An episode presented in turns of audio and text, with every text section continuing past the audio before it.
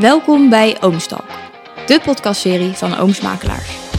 In deze podcast vertellen makelaars, vastgoedadviseurs, taxateurs, financieel en verzekeringsadviseurs van Ooms over hun dagelijkse praktijk. We delen ervaringen, succesverhalen, maar ook de uitdagingen die we in ons vakgebied hebben. We gaan uit elkaar. Wat nu? Wat moet er allemaal gebeuren en waar moet ik beginnen? Deze vragen hoor ik heel vaak tijdens mijn gesprekken op het moment dat mensen uit elkaar gaan. Uh, ik ben Annick Hoogstad, financieel adviseur bij Ooms Financieel Adviseurs. Ik zit hier samen met mijn collega Marielle Moerman, onze scheidingsadviseur.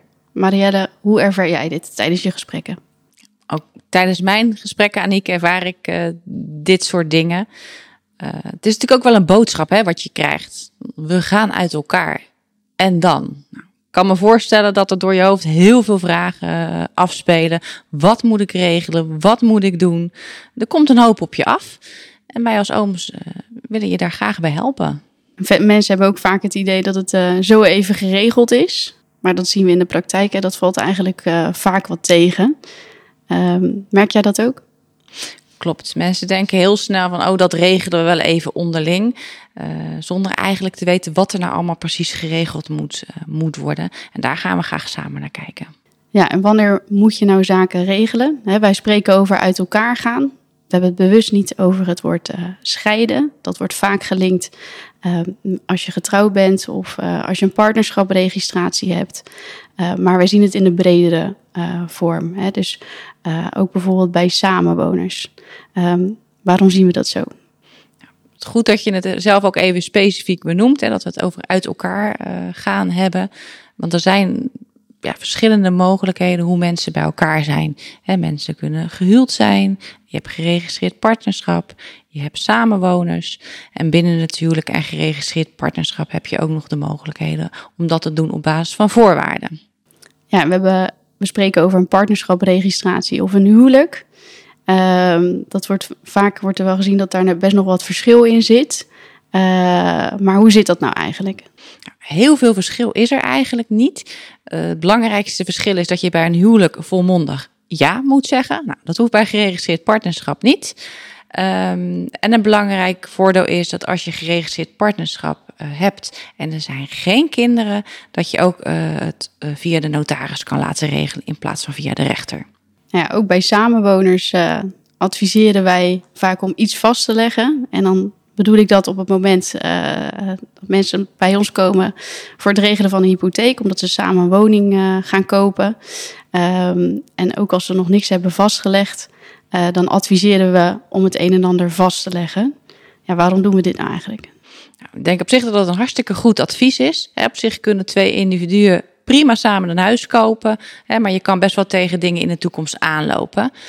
Twee belangrijke dingen die je heel goed kan regelen in een samenlevingscontract uh, hebben te maken. één met de overlijdensrisicoverzekering. Hè, komt een van beiden te overlijden, waar we absoluut niet vanuit gaan, maar het kan altijd gebeuren. En zo'n verzekering moet tot uitkering komen en je hebt niets geregeld, dan komt de Belastingdienst om de hoek kijken en die zegt, nou, ga jij eerst maar even belasting afdragen. En dan mag je hopen dat er gewoon nog geld overblijft waar je bijvoorbeeld een deel van de hypotheek mee af kan lossen. Een ander punt is wat je kan regelen. Uh, je koopt samen een woning. Dus je bent voor 50% eigenaar van de woning. En op het moment dat een van beiden dan komt te overlijden en je hebt niets geregeld, gaat de helft van die woning naar de nabestaanden. Nou, dat zijn dan de ouders, broers, zussen, ooms, tantes. Nou, en als het om geld gaat, zijn mensen niet altijd even aardig. En dan kan het zijn van, nou weet je, we gaan de woning verkopen, want we willen ons geld hebben. Nou, je gaat samen een toekomst aan, dus je wil elkaar ook verzorgd achterlaten. Dus dat soort dingen kan je middels een verblijfbeding heel goed regelen in een samenlevingscontract. Eventueel in combinatie met een testament. Zijn er dan nog andere afspraken die je in zo'n overeenkomst vast laat leggen? In de samenlevingsovereenkomst, maar ook in voorwaarden kan je afspraken maken over de kosten van de huishouding. Wie betaalt wat? Afspraken over uh, vermogen, maar ook van hè, mocht de relatie stoppen, hè, hoe gaan we dan uit elkaar?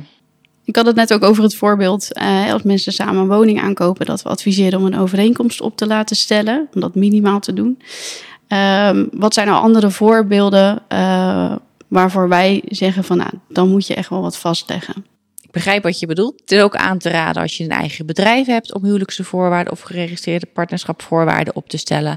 Maar ook als de een bijvoorbeeld heel veel vermogen heeft en de ander niets of, of minder. Nou, stel dat je dan uit elkaar gaat, dan is er uh, veel wat moet gebeuren. Uh, zou je daar wat meer over kunnen vertellen? Er moet inderdaad een hoop gebeuren. Wij uh, bij OMS proberen dat zo overzichtelijk mogelijk te, te houden. En hebben daarom gezegd, we hebben drie dingen die besproken moeten gaan worden. We beginnen altijd met, uh, met de kinderen. Daarna gaan we kijken, waar woon ik straks? Hè? Iedereen wil een dak boven zijn hoofd hebben. Dus ook daar moeten afspraken over gemaakt worden en keuzes in gemaakt worden. En vervolgens gaan we kijken naar de andere financiële zaken. Hè, denk even aan pensioen, denk even aan lijfrentes. Maar we hebben ook inboedel auto, dat soort dingen, wat toch verdeeld moet gaan worden. jullie zijn al langere tijd samen, dus het is allemaal verstrengeld met elkaar. En dat moet gewoon allemaal uit elkaar gehaald worden. En goede afspraken over gemaakt worden. Jij noemt het eerste de kinderen. Is dat bewust? Dat is bewust. Wij vinden het belangrijk dat de kinderen gewoon snel weten waar ze aan toe zijn. Dat ze duidelijkheid hebben. Dat ze weten uh, ja, wat er van hun verwacht wordt, zodat ze daarna gewoon weer lekker vrolijk verder kunnen huppelen. Ja, wat voor afspraken maak je dan zo al? Er worden afspraken gemaakt uh, in het ouderschapsplan. En daar komen dingen in te staan als uh, wanneer is het kind bij welke ouder.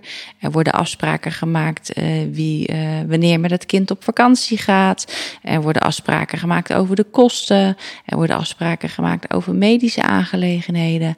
Maar ook van goh, wie gaat er naar schoolgesprekken.